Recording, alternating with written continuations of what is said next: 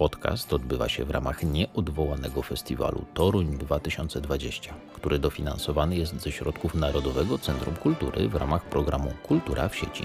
Sponsorem strategicznym Toruńskiej Orkiestry Symfonicznej jest firma Nowa Trading SA. Głównym sponsorem Toruńskiej Orkiestry Symfonicznej, mecenasem kultury jest PGE Energia Ciepła SA. Toruńska Orkiestra Symfoniczna jest finansowana ze środków gminy miasta Toruń.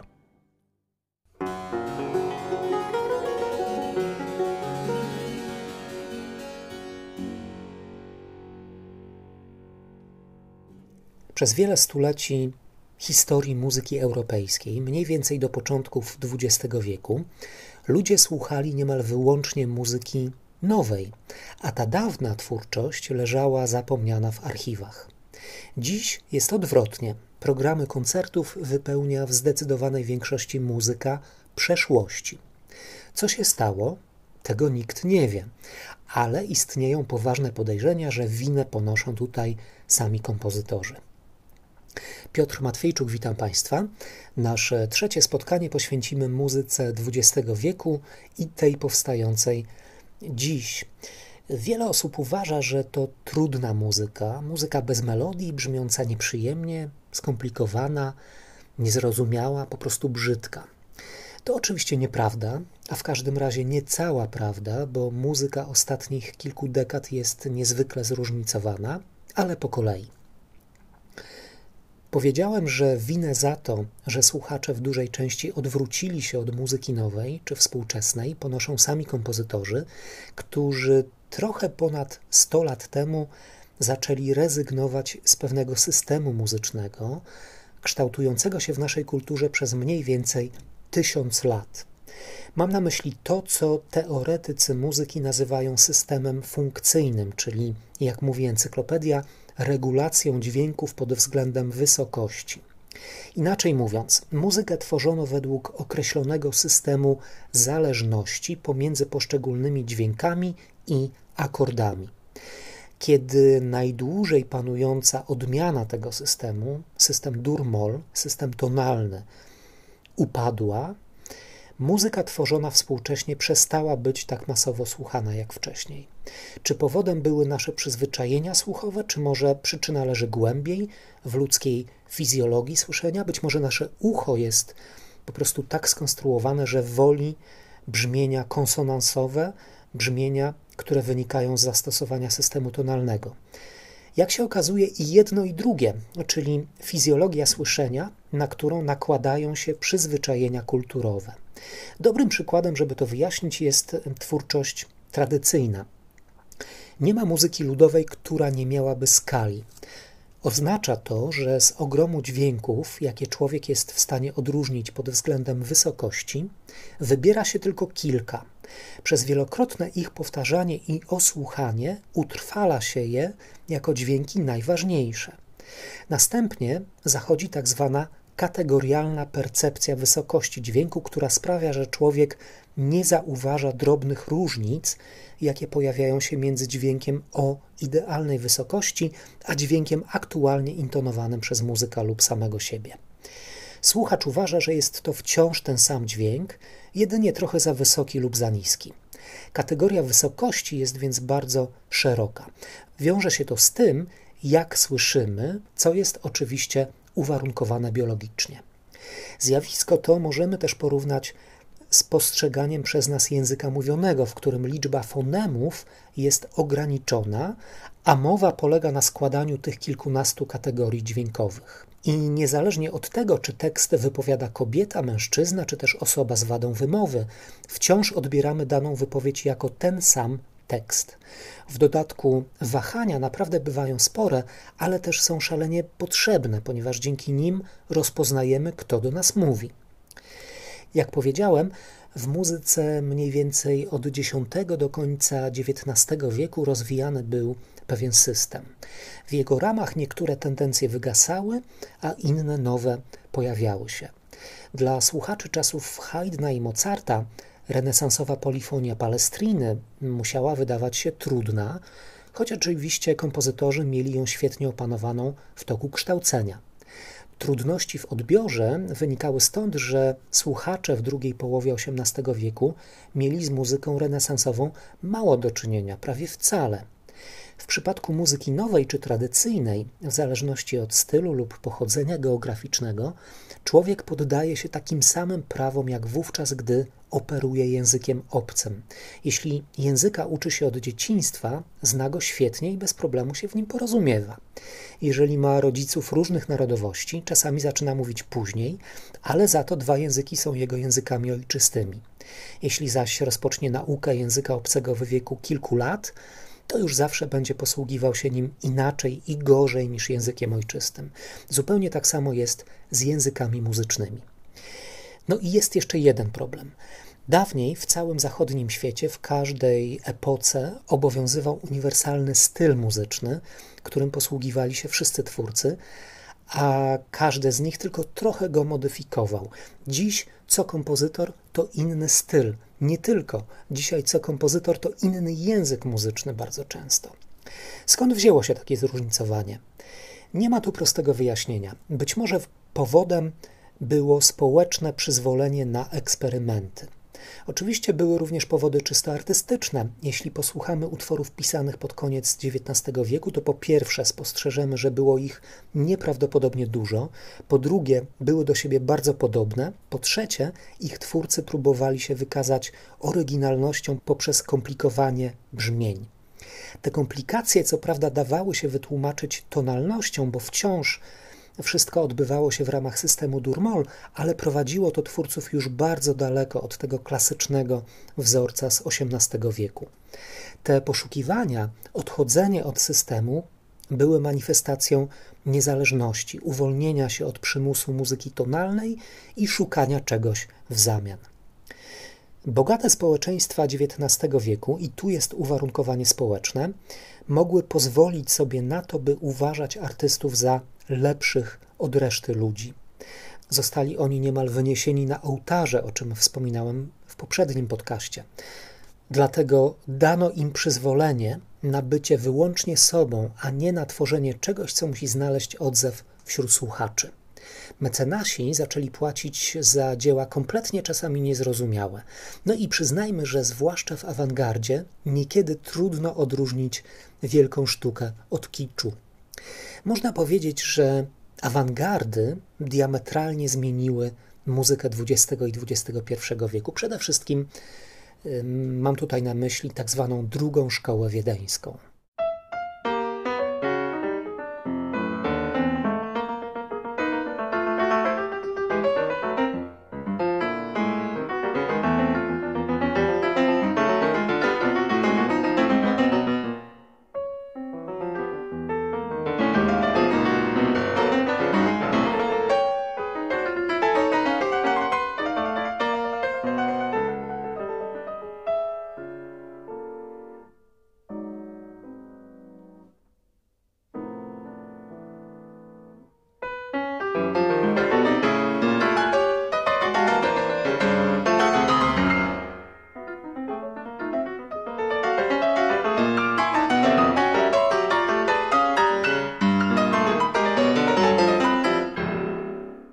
Kompozytorzy drugiej szkoły wiedeńskiej, Arnold Schoenberg i jego dwaj uczniowie, Anton Webern i Alban Berg, postanowili wykorzystywać całą dostępną nam dwunastodźwiękową skalę i nie nadawać żadnej funkcji żadnemu dźwiękowi. Tak zrodziła się muzyka dodekafoniczna i atonalna, a w konsekwencji muzyka serialna. Ale poszukiwań awangardowych było więcej. Strawiński i jego Świętowiosny, wiele utworów Beli Bartoka, dzieła Edgara Vareza czy Charlesa Ivesa. Również polscy kompozytorzy mocno inspirowali się osiągnięciami Schoenberga. To muzyka, która niewątpliwie jest dość trudna w odbiorze, ale ma przecież jasno sformułowane, precyzyjne zasady konstrukcyjne. Jeśli się je pozna i trochę się z tą muzyką osłucha, można się jej nauczyć jak nowego języka obcego, a nawet można ją polubić. Awangarda miała się świetnie również w Polsce, jak wspomniałem, po II wojnie światowej i po okresie socrealizmu. Nasi kompozytorzy inspirowali się serializmem wywiedzionym z dodekafonii, uprawianym przez Piera Buleza, Karl Heinza Stockhausena czy Luigiego Nona. Krzysztof Penderecki, Henryk Mikołaj Górecki, Kazimierz Serocki, Włodzimierz Kotoński, Andrzej Dobrowolski, Bogusław Szefer i inni to wielka polska awangarda lat 60. Muzyka, która w wielu przypadkach do dziś brzmi nowocześnie i wcale się nie zestarzała. Polacy nie tylko sięgali po nowości ze zagranicy, ale dokładali do nich swoje pomysły. W ten sposób powstała tak zwana polska szkoła kompozytorska. Jedną z jej cech charakterystycznych był tak zwany sonoryzm, czyli szczególna dbałość o barwę dźwięku. To ona stała się najważniejszym elementem muzyki, a na dalszy plan zeszły melodia, harmonia czy rytm. Aby uzyskać ciekawe barwy, sonoryści często stosowali niekonwencjonalne metody wydobycia dźwięku.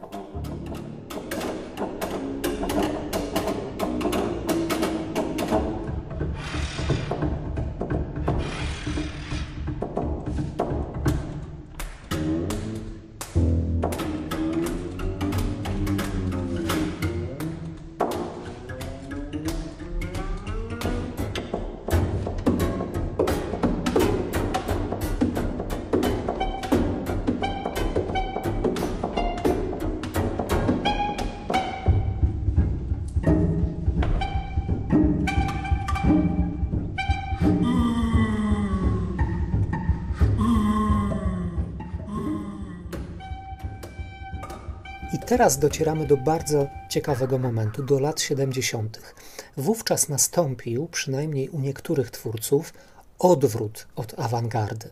Penderecki, Górecki, Kilar e, zaczęli pisać muzykę skrajnie odmienną i pozostali przy niej do końca życia.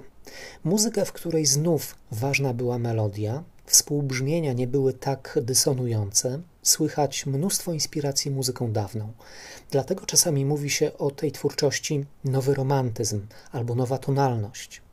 Ale w tamtym czasie, również na świecie, coraz częściej kompozytorzy odchodzili od rozwiązań awangardowych. Muzyka wówczas komponowana stała się dużo bardziej różnorodna i, co tu dużo mówić, przyjaźniejsza czy była to reakcja właśnie na odwrócenie się publiczności od muzyki współczesnej? W jakimś stopniu na pewno tak, ale też sami twórcy chyba trochę znudzili się swoimi eksperymentami, niektórzy też na pewno zabrnęli w ślepe uliczki. Świadectwem poszukiwania czegoś zupełnie innego od awangardy był minimalizm i muzyka repetytywna. Trzeba przyznać, niezwykle przyjemna w słuchaniu. Jeden z jej najważniejszych twórców, Steve Reich, napisał o niej tak: Odchylenie i uwolnienie huśtawki, a potem obserwowanie, jak powraca ona do spoczynku. Postawienie stopy na brzegu morza i oglądanie, słuchanie, odczuwanie, jak fale stopniowo zagrzebują ją w piasku.